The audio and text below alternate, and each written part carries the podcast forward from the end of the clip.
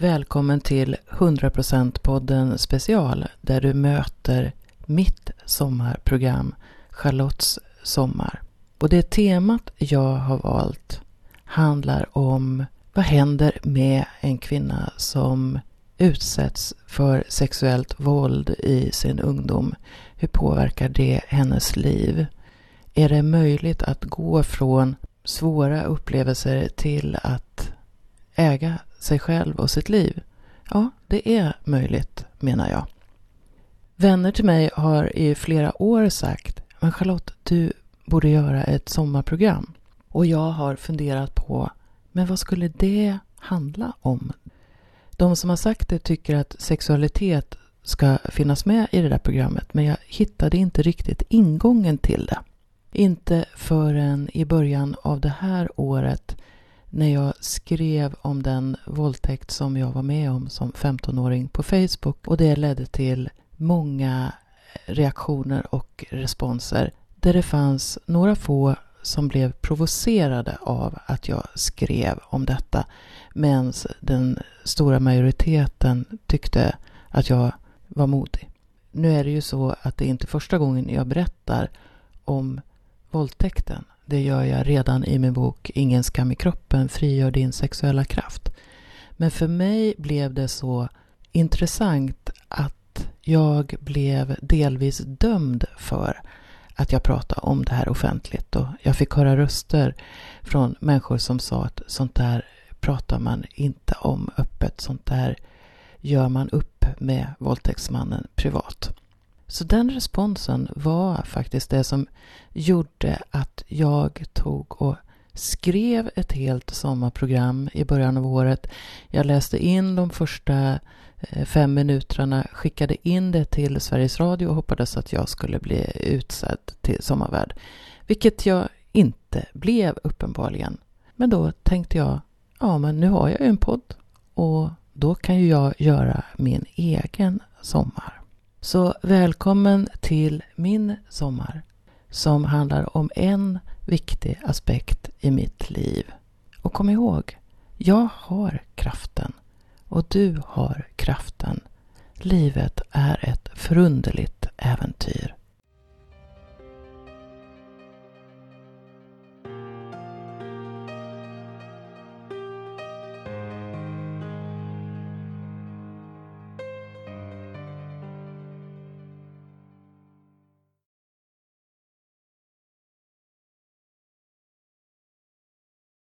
Timmen som ändrade riktningen på mitt liv. Jag ska göra det med barn, säger 16-åringen till mig. Nej, jag vill inte, säger jag. Alldeles strax ska min sexuella debut ske.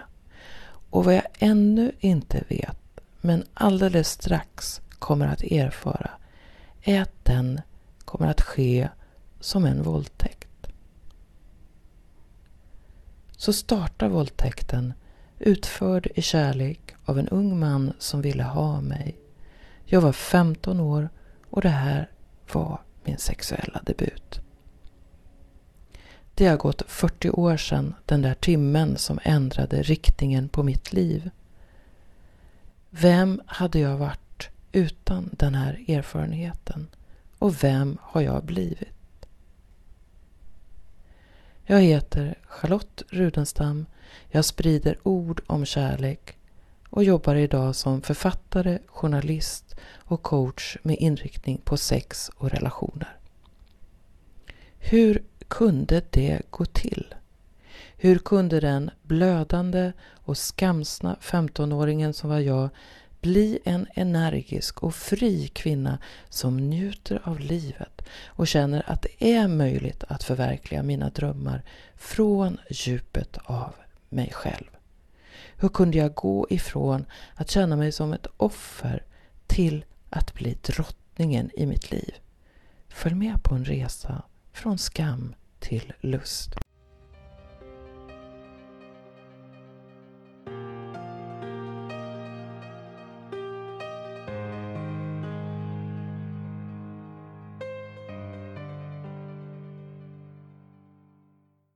Den här berättelsen handlar inte om pojkarna och männen i mitt liv. Den handlar om mig och om mina val. Den handlar om hur sexuella erfarenheter och attityder har format mig och vad jag har lärt mig i möten med män och i möten med olika människors uppfattningar om hur en flicka, en tjej och en kvinna i olika åldrar bör uppträda. Det är en berättelse om hur skam, skuld och rädsla kan bidra till att forma ett liv. Men berättelsen handlar också om hur jag har hämtat hem mig själv och hur jag har funnit min kropp. Jag berättar om hur jag gick ifrån att vara en huvudfoting till att leva med och i hela kroppen. Det är en berättelse som visar hur förödande sexuella kränkningar och sexuellt våld kan vara. Och att det är möjligt att läka de såren och välja ett liv som innehåller lycka, njutning och kreativitet.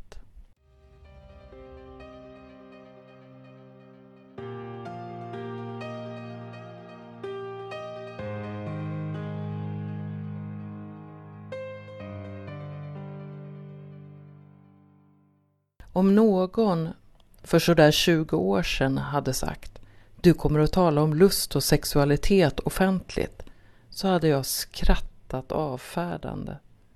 Det var helt utanför den spelplan jag såg som min. Att jag en dag skulle tala om andligt sex i TV fanns varken i mina drömmar eller i min föreställningsvärld. För mig fanns knappt andlighet för den tiden och i så fall som något jag öppet ifrågasatte samtidigt som jag hade en hemlig längtan att utforska det där som inte går att uppfatta med mina fem sinnen. Med sexualiteten var det om möjligt ännu värre. Då kunde jag knappt tala om sex. Jag använde omskrivningar som ”ska vi kramas” när jag ville älska och rodnade om någon sa könsord i min närhet. Jag var helt enkelt en rätt pryd person. Åtminstone den officiella delen och de delar av mig själv jag vågade kännas vid. Idag säger jag då och då att jag fortfarande är pryd, men på en högre nivå. Sug på den du.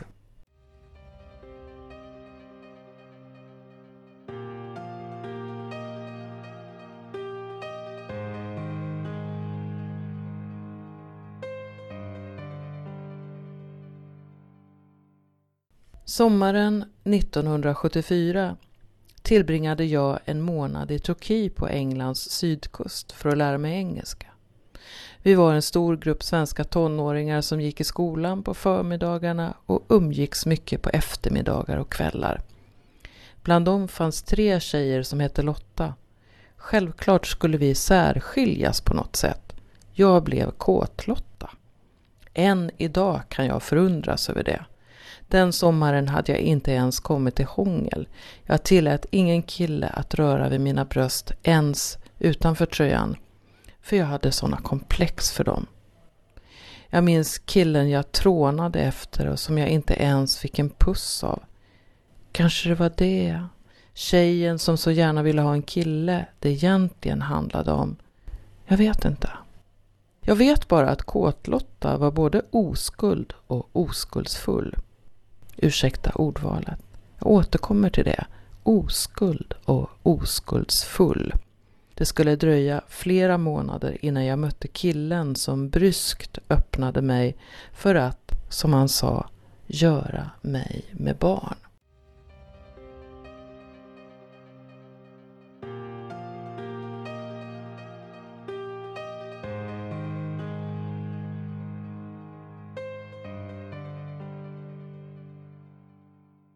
Trots kåtlotta var jag som tonåring livrädd för sex.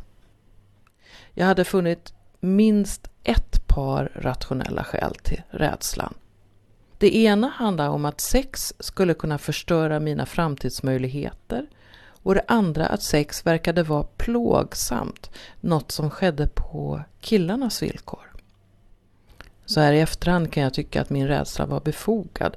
Jag såg klasskamrater bli tonårsmammor och det gjorde att de blev hänvisade till att bo kvar på den trånga hemorten. Jag bevittnade en gång ett samlag och kände äckel inför det och tyckte att ljuden från kvinnan skvallrade om smärta. Bara tanken att en man någon gång skulle föra in en kroppsdel i mig kändes så fel. Och snart skulle jag själv få uppleva hur plågsamt det kunde vara med penetration. Sen tror jag det är mänskligt att jag minns det som bygger på mina föreställningar. Att jag samlade bevis som stödde min tes om att sex inte var något för mig. Dessutom blev jag matad med åsikter som sa att fina flickor håller på sig. Fina flickor gör det inte. Fina flickor är inte kåta. Och en del av mig ville alldeles uppenbarligen vara en fin flicka. Ändå var det mycket snack om sex runt mig och många tjejer i min omgivning debuterade tidigt. Det gav hög vuxenpoäng och jag förstod att det inte bara kunde vara plågsamt. Men det dröjde innan jag på allvar tog in tanken på att sex skulle kunna ge njutning.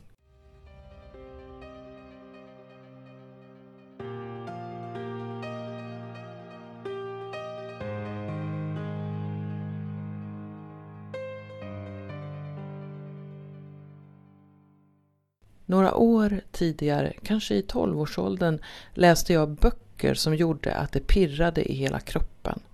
Först långt senare insåg jag att jag faktiskt varit kåt då. Men det var inget jag sa till någon. Men något drog mig till de där böckerna. Jag återvände till dem för att känna pirret igen. När jag senare hamnade i kyssläge med killar, ja då var pirret där igen och jag började sakta men säkert ana att detta kunde bära längre och till större upphetsning. Men jag var länge nöjd med kyssarna.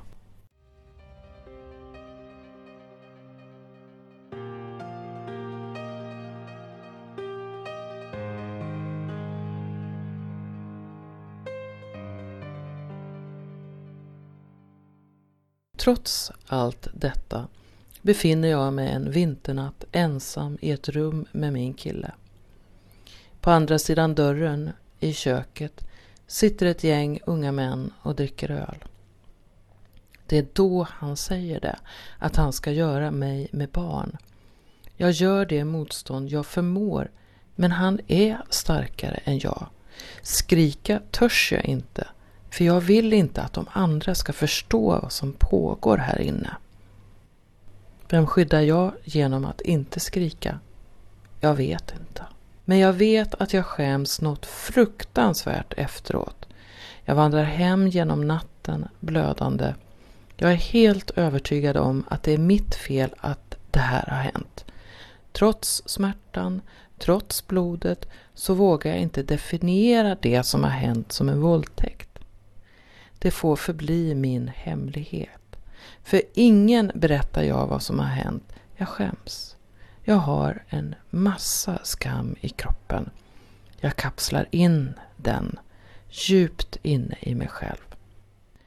Men det är flera saker jag med säkerhet vet redan då. Jag vill inte att någon ska göra mig med barn. Jag vill inte att någon ska låsa fast mig. Jag vill inte leva mitt vuxenliv på den här orten. Jag vill leva ett annat, friare liv. Jag vill välja mitt liv. Jag vill inte att någon ska tvinga in mig i val som inte är mina.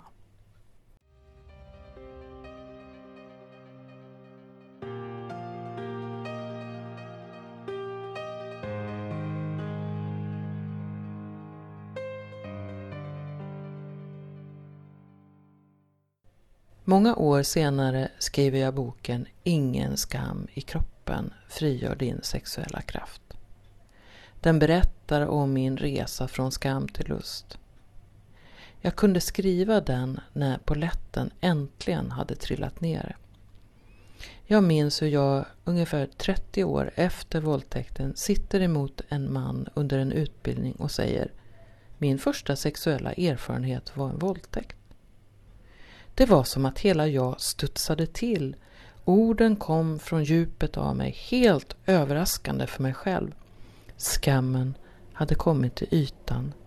När insikten om våldtäkten låg där och guppade fullt synlig på vågorna omgavs jag av kvinnor som höll mig, som såg mig, som bekräftade mig och som visade att de var mina systrar i både sorg och glädje.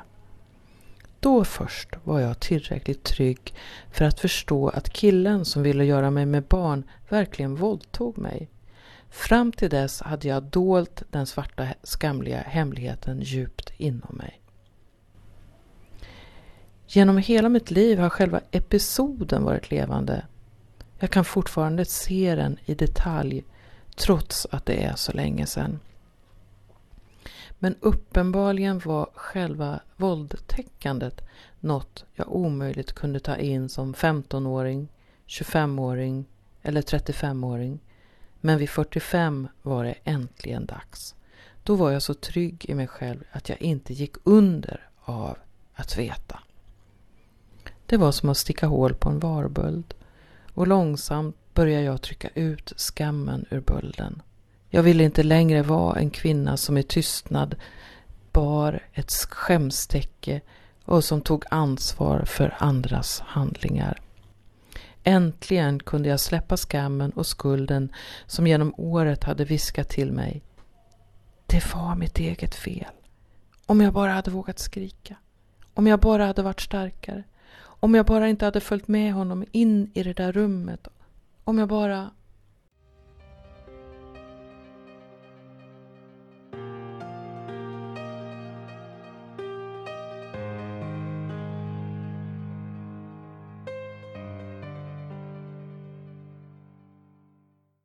Idag har jag oändlig förståelse för alla de som inte anmäler sexuellt våld. Där en orsak kan vara just denna, skammen. En andra kan vara, det är ingen idé, jag blir ändå inte trodd.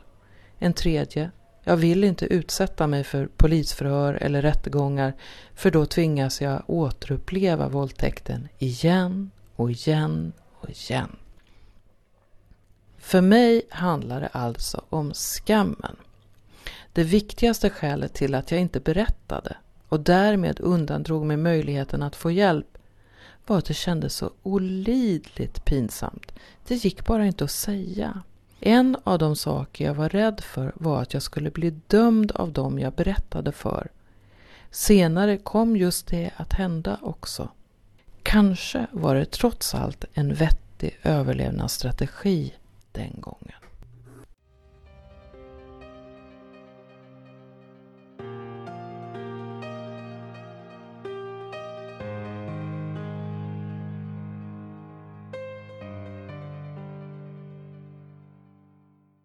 –35 år efter våldtäkten jag sitter och pratar med ett av mina barn som berättar att kompisar till henne blivit våldtagna men som tiger för risken att bli bestraffad av föräldrarna är så stor. Om jag berättar får jag utegångsförbud. Var finns omtanken om ungdomar som blir utsatta för sexuellt våld? Vad är det som gör att den som utsätts så ofta blir bestraffad på ett eller annat sätt? Jag ser att de ibland utsätts för en andra våldtäkt genom omgivningens dömanden. Hur kommer det sig att den som berättar om sin våldtäkt eller den sexuella kränkningen får höra Nej men den snälla killen skulle aldrig kunna göra något sånt. Hur ofta är det som att den våldtagna får höra direkt eller indirekt att hon eller han hittar på eller överdriver? Hur ofta är det den utsatte för att hen genom att till exempel anmäla ett sexualbrott kränker förövaren. Alldeles, alldeles för ofta. Jag har själv varit med om det. Det gör fruktansvärt ont även om händelsen ligger långt tillbaka i tiden.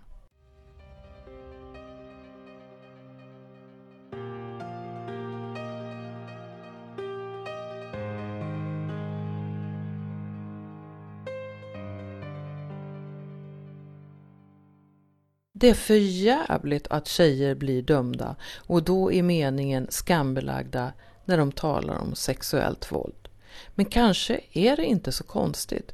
Det finns så många normer och värderingar kring sexualitet i vårt samhälle. Det lever kvar många förlegade idéer om mäns respektive kvinnors sexualitet och om sexuella preferenser. En idé är att en kåt man behöver få utlösning, annars kan han få blå pung. En annan är att en kåt man är offer för sina drifter och inte kan hejda sig. Sådana idéer tycker jag är djupt kränkande för män. För de som säger så säger samtidigt att män är djur. Jag köper inte det. Alla har ansvar för sina handlingar oavsett om de är kåta, trötta eller drogpåverkade. Ytterligare en helsjuk värdering är att en tjej som klär sig lätt eller som är berusad antas vara intresserad av att ha sex. Att hon bjuder ut sig och får skylla sig själv.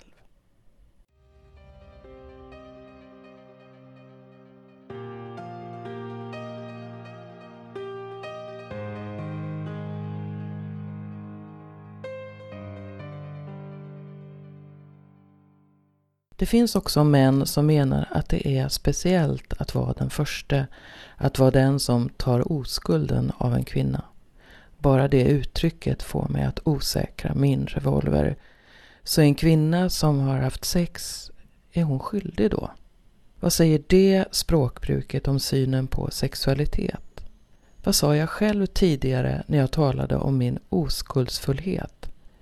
Handlade det om en norm som säger att flickor ska vara rena i betydelsen sexuellt orörda. Tänk på alla möjliga myter som odlas om oskulder där ett av de värsta exemplen jag känner till kommer från Sydafrika där somliga anser att ha sex med en oskuld skulle kunna bota aids. Stanna bara för ett ögonblick vid den tanken och tänk vad dessa unga flickor får utstå. Alltså, det är särskilt fint att deflorera en kvinna.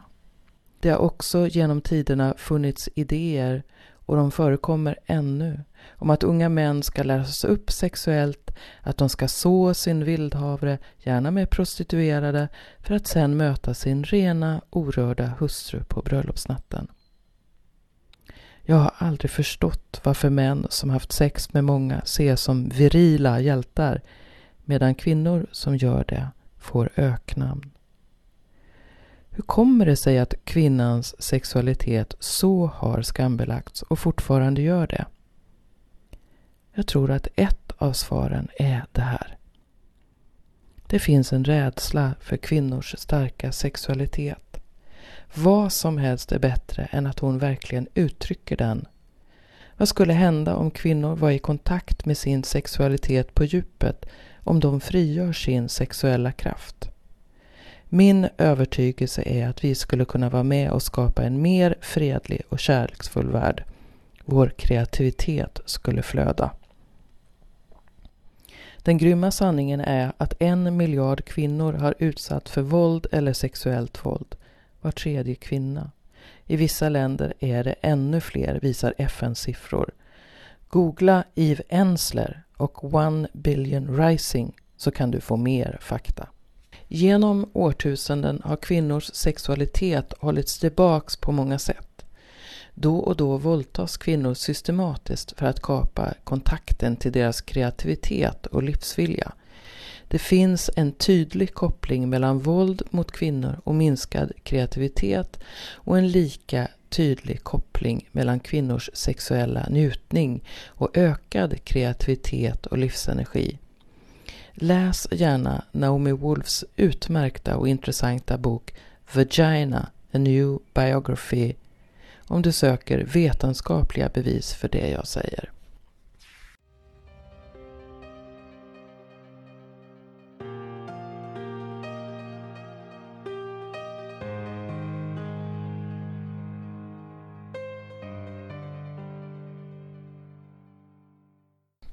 Halvår efter våldtäkten träffade jag en annan kille.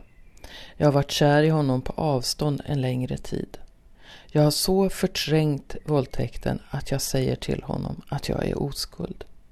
Han gillar verkligen tanken på att han så småningom ska få ta min oskuld som han också gjorde med sin tidigare tjej.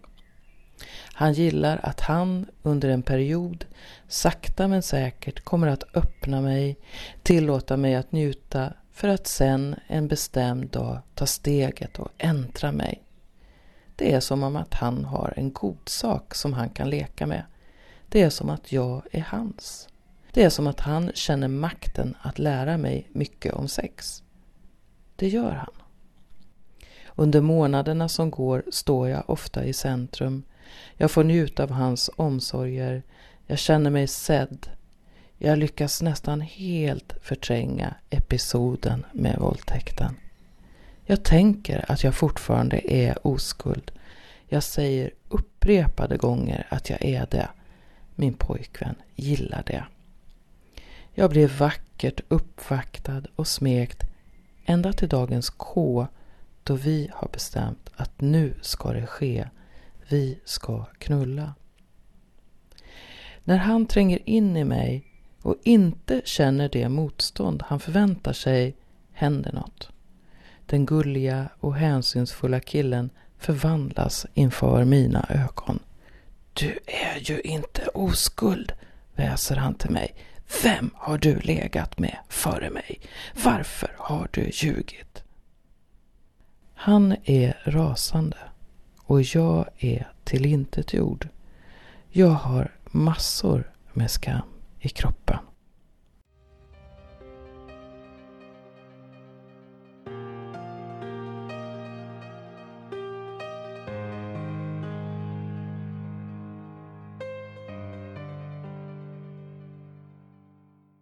Det här är mina två första möten med penetrationssex. En våldtäkt utförd av kärlek och en kille som så när gör slut med mig i besvikelsen över att jag inte var orörd. Hur påverkar sexuellt våld en ung kvinna? Hur påverkar sexuellt våld de som blir utsatta oavsett kön eller ålder? Vad händer i kroppen?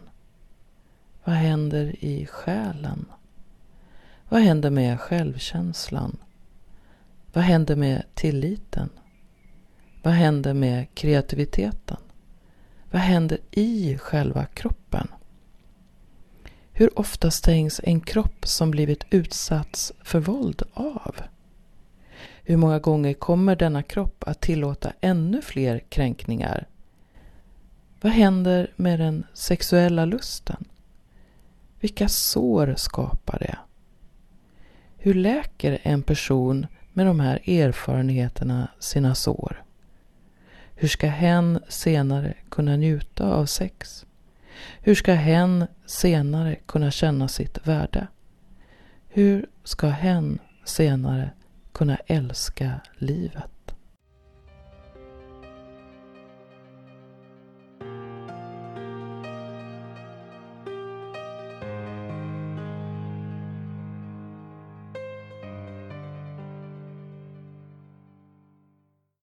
Min omedvetna överlevnadsstrategi blev att förtränga.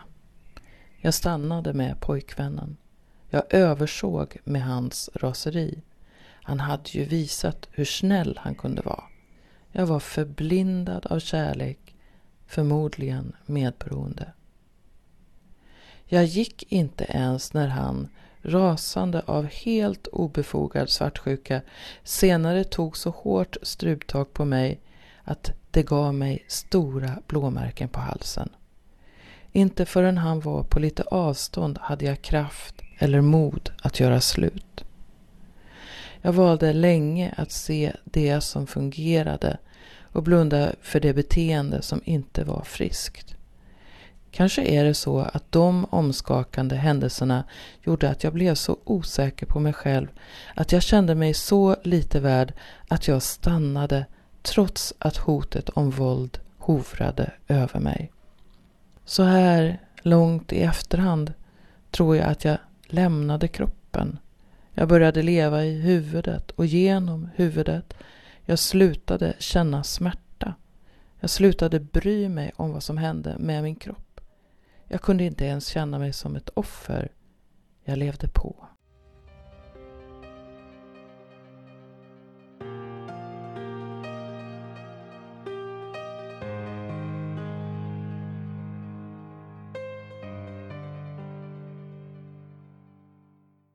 Det har gått några år och jag har just gjort slut med en annan pojkvän. Han vädjar till mig att vi ska fortsätta vara ihop. Hans rödgråtna ansikte och hans självmordshot gör att jag säger att okej, okay, jag stannar väl. Så blir det tid för försoningssexet. Jag ligger på rygg. Jag håller en bok i handen. Jag läser. Han ligger ovanpå mig. Han genomför samlaget. Jag är inte där. Men jag upplåter min kropp. Jag vet inte vem situationen är mest förnedrande för. Kanske är det här en av konsekvenserna av sexuellt våld.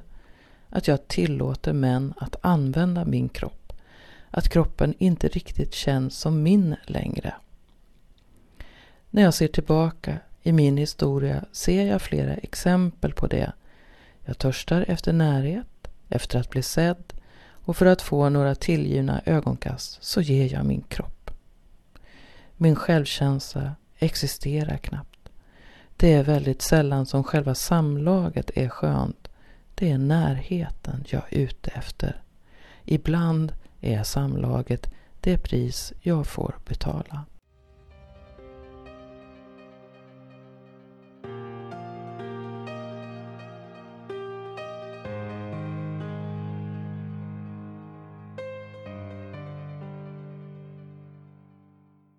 Men något händer. Något ändrar det här. Kanske är det att jag blir äldre. Kanske är det att jag börjar vara i sammanhang där jag kan få värde på annat sätt än genom att någon har sex med mig. Kanske är det för att jag uppfattar att jag blir älskad. Kanske är det för att jag känner att min knopp blir bejakad. Kanske en del av läkningen är att jag väljer att fokusera andra delar av livet. Att jag bygger en familj, att jag driver en rad projekt från start till mål. Jag vet inte. Jag vet bara att jag under ungefär 20 års tid befinner mig i ett rätt så tryggt och trevligt land där jag sakta men säkert bygger upp min självkänsla, där jag börjar känna mig värdefull och där jag också får tillfälle att älska min familj. Men något saknas. Det finns pusselbitar som inte ryms i den lyckliga familjen. Det finns delar i mig som jag inte kan komma i kontakt med tillsammans med dem. Det finns ett mörker i mig som jag sällan eller aldrig talar om, som jag sällan är medveten om. En dag hinner mörkret ikapp mig. Eller kanske är det livslögnen som flåsar mig i ryggen.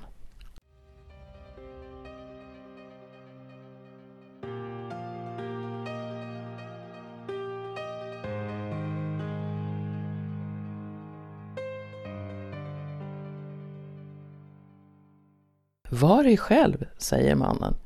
Han ler. Han säger det för att det är så självklart för honom och jag tror han menar att det bör vara självklart för alla. På väg ifrån mötet känns det som att jag faller ner i en djup brunn som jag inte vet hur jag ska ta mig ur. Jag är nerknuffad i mörkret, i ensamheten, i det jag fruktar mest. Vem är jag? viskar jag tyst för mig själv. Vem fan är jag egentligen?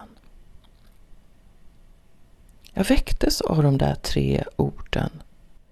Nere i min brunn var jag fast. Jag kunde inte längre fly ifrån mig själv. Jag insåg att jag, kanske ända sedan tonåren, kanske sedan ännu tidigare, hade valt att spela en person som jag trodde gick att älska.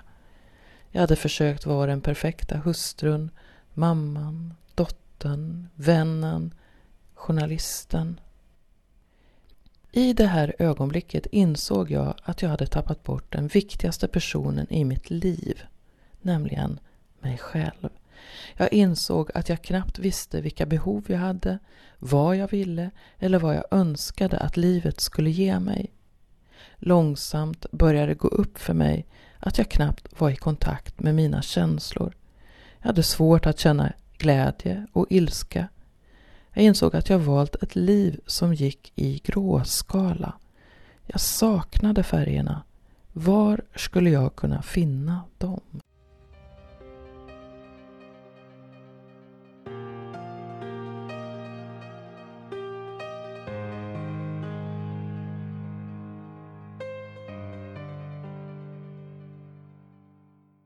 Jag visste alltså inte vem jag var. Jag behövde ge mig ut på upptäcktsfärd och till en början trodde jag att andra skulle ge mig svaren. Det var som att jag hade en tiggarstav i handen och gick mellan terapeuter och terapier och skramlade med bössan och sa Snälla, säg mig vem jag är. För att göra resan möjlig klev jag ur min stora trygghet.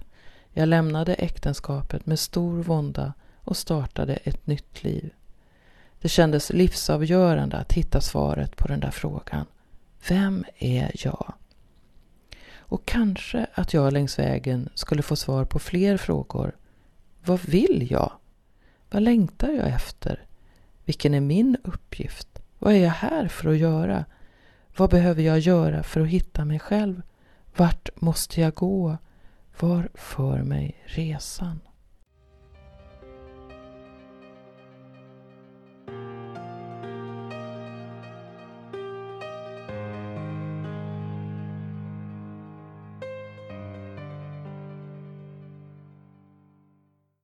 Du kanske redan anar att jag letade på fel ställen. Jag letade efter svaren utanför mig själv. Jag minns första gången jag var hos en psykoterapeut. Jag satt otålig och väntade på att få svaren av honom. När de 45 minuterna närmade sig slutet sa jag Kan du ge mig manualen nu? Vad då för manual? Livsmanualen, jag vill veta hur man gör. Det finns såklart ingen livsmanual i synnerhet inte i någon annans hand. Idag är min sanning att jag behöver finna mig själv genom att söka inåt. Det jag behövde göra var att knacka på hjärtats dörr och släppa in mig själv. Jag behövde bli nyfiken på vem Charlotte egentligen är. Jag behövde möta mina rädslor, mina demoner och omfamna den som är jag och jag behövde återknyta kontakten med min sexualitet.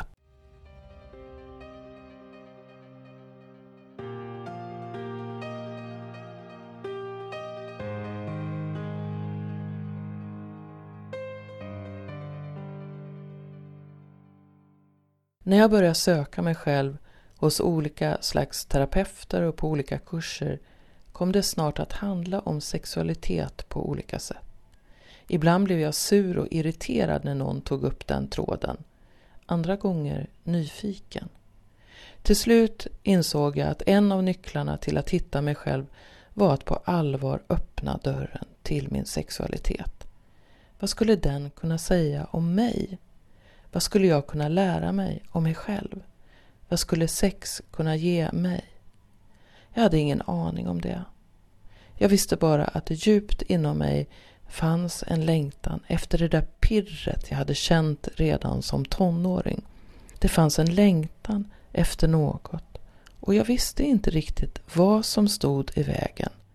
Jag vågade ännu inte veta att jag som 15-åring hade blivit våldtagen av en pojke som ville uttrycka kärlek till mig på ett väldigt märkligt sätt.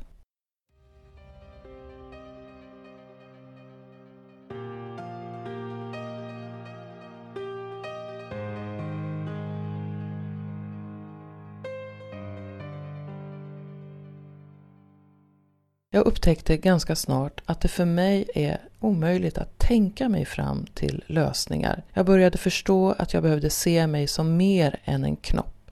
Jag behövde komma i kontakt med min kropp. Utan att egentligen förstå vad det handlade om anmälde jag mig till en kroppsterapiutbildning. Det var veckolånga processer som tröttade ut mig enormt men som trots det lockade mig. Den första veckan kändes som ett träningsläger och jag undrade vad jag hade gett mig in på. Men jag förstod att jag behövde fortsätta. Vid ett tillfälle säger en lärare att jag ska dansa med kroppen. Jag står där som ett levande frågetecken. Hur dansar jag med kroppen? Jag förstår inte vad hon menar. Dansa med kroppen. Lyssna på vilka rörelser kroppen vill göra. Jag började inse att jag var så mycket i mitt huvud att jag faktiskt inte kände min kropp eller vilka impulser den hade. Det var som att min kropp bara var något praktiskt jag behövde för att ge näring till det som hände i huvudet.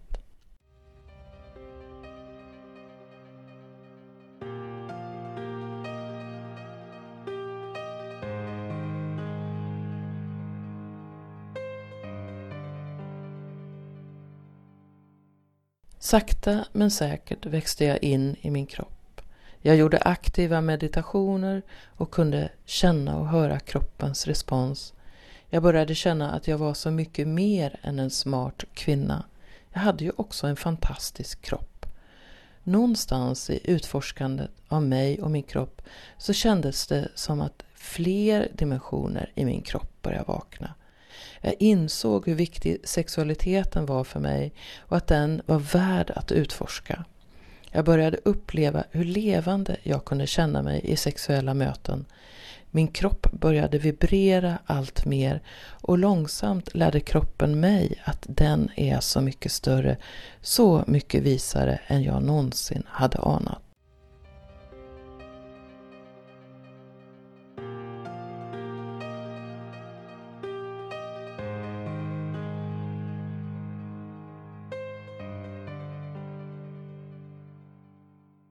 Det var när jag precis hade avslutat min kroppsterapiutbildning som insikten om våldtäkten väcktes. Då hade kroppen läkt tillräckligt för att kunna leva med vissheten om den. Jag tror också att detta, att erkänna det svartaste svarta, också bidrog till att jag kunde börja min frigörelse och att en viktig pusselbit var att bejaka min sexuella kraft.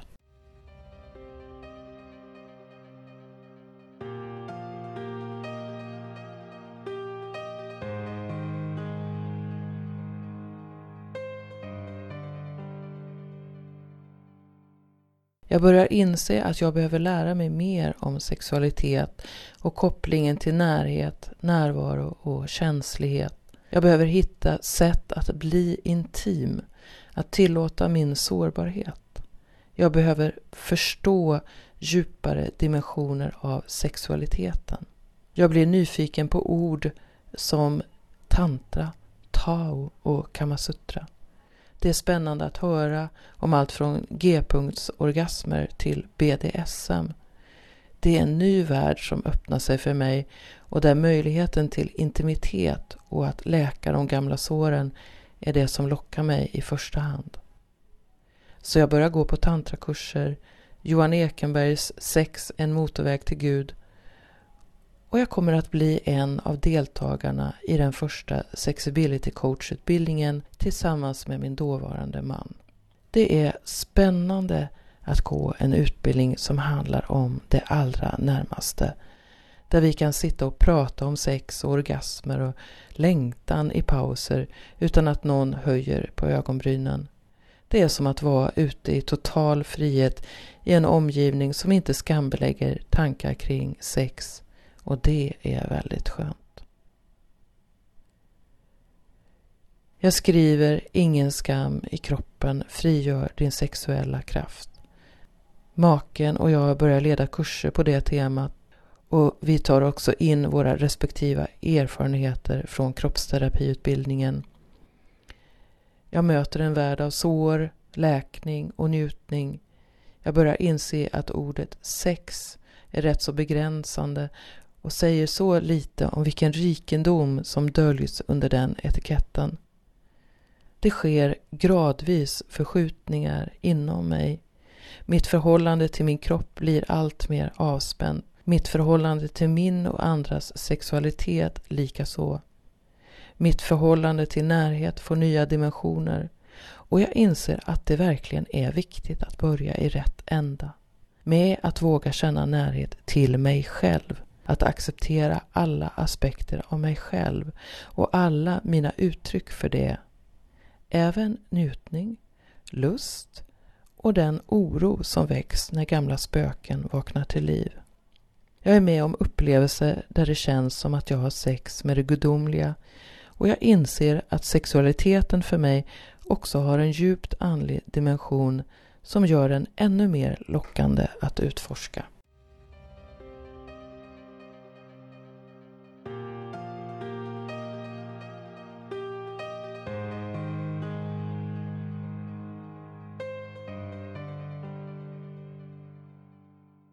Vi lever i ett samhälle där sexualiteten märkligt nog är så tabuiserad. De senaste fem sex åren har jag många gånger talat om sex offentligt. Jag har blivit intervjuad många gånger. Jag har talat om sex i radio och tv. Jag har lett kurser, festivaler och föreläst. Ganska ofta möter jag en tvekan, ibland ett misstänkliggörande, ibland en rädsla, ibland en sensationslyssnad sensationslystnad och då och då människor som verkligen är intresserade av att lyssna.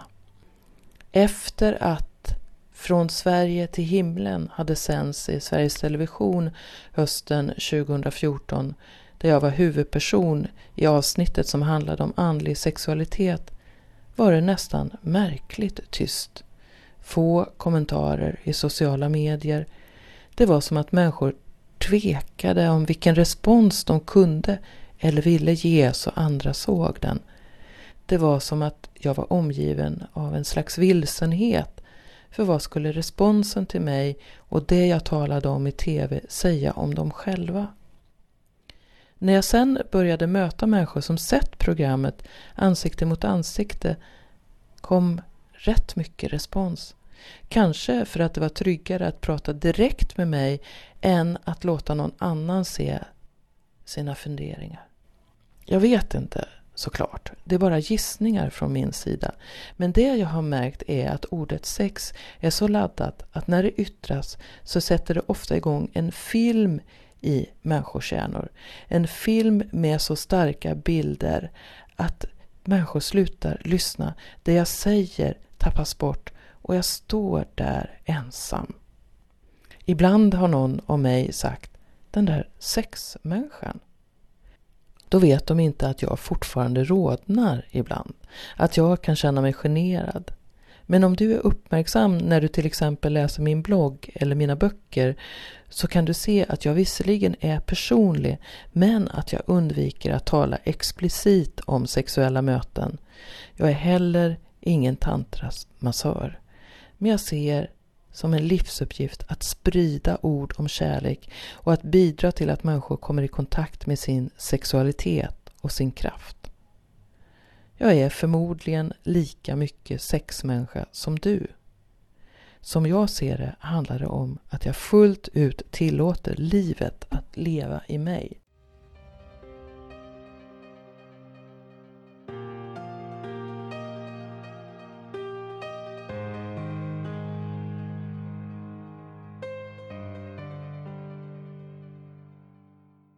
Det handlar om att jag rör mina höfter, att jag känner livet strömma i mig.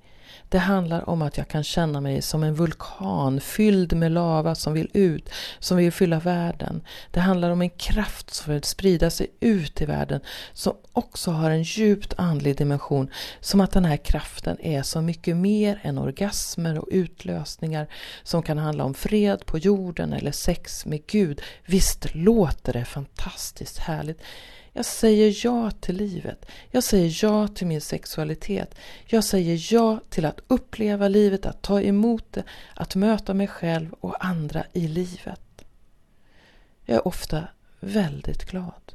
Jag är ofta energisk och jag är ibland så superledsen.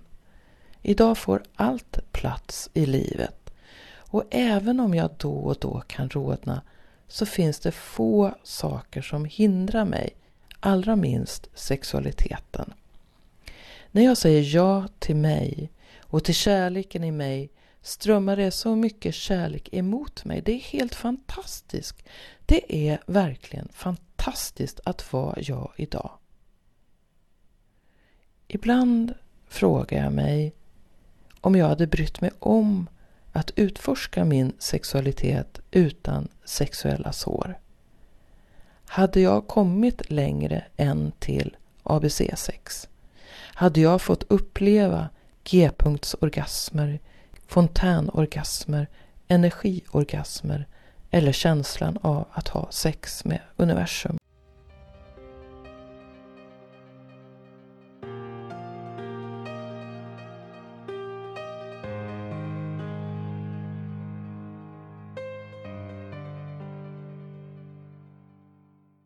När jag tittar tillbaka och ser den hårdhänta början min sexualitet fick och min oförmåga att vara i och känna kroppen så skulle man kunna tro att jag är ett offer. Men tänk om det är vad jag behövde möta för att sprida ord om kärlek. Tänk om det är precis de här upplevelserna just jag behövde för att kunna finnas där för andra som har en komplicerad relation till sex och närhet. Kanske är det de här erfarenheterna som gör att jag oförtrutet skriver om kvinnors rätt att vara sig själva fullt ut, njuta av sin sexualitet och att kvinnor ska slippa utsättas för sexuellt våld och sexuella kränkningar. Kanske är det mina sexuella sår som triggat igång en stark önskan om kvinnofrid. Det kanske är så paradoxalt att en timme i mitt liv som 15-åring ändrade riktningen i mitt liv. Att den timmen bidrog till att jag idag verkligen kan känna min sexuella energi och till att jag känner mig hel som människa idag. Jag tänker på den där 16-åringen som tittade mig i ögonen och sa att han ville göra mig med barn. Tänk om det var så att han samtidigt gav mig en gåva Även om jag inte skulle önska min värsta ovän den förpackning den kom i. Den där 16-åringen som ville fånga in mig tydliggjorde min vilja att leva fri även om det tog väldigt lång tid att komma dit. Nu känner jag mig fri att vara jag. Och allt det jag har varit med om fram till detta ögonblick har tagit mig hit. Jag har blivit en kvinna som älskar kärlek, som talar om kärlek och som vill sprida ord om kärlek. Men för mig räcker det inte. Det jag har upptäckt under senare år är att sexualiteten är en så fantastisk kraft. För mig är den sexuella energin och livsenergin detsamma. Så jag tillåter mig att njuta av livet, av kroppen, och att känna och bejaka min sexualitet. Idag är jag drottning i mitt liv. Jag älskar mig. Jag älskar att njuta. Jag känner min kraft. Jag tillåter min kreativitet. Jag tillåter mig att vara 100% Charlotte. Och du? Det här är inte bara ett kärleksarbete. Som jag sa tidigare så är det ett fredsarbete också. Lyckliga människor krigar inte. Kärlek till dig. Njut av att vara du. Tillåt sexualiteten att flöda genom dig.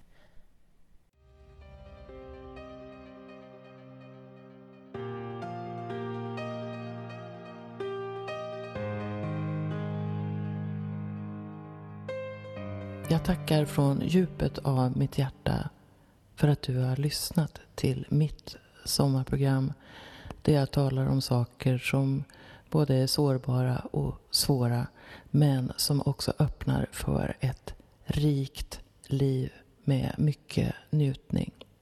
Om du skulle vilja ha mer inspiration från mig så kan du självklart läsa min bok Ingen skam i kroppen frigör din sexuella kraft eller 100% Charlotte.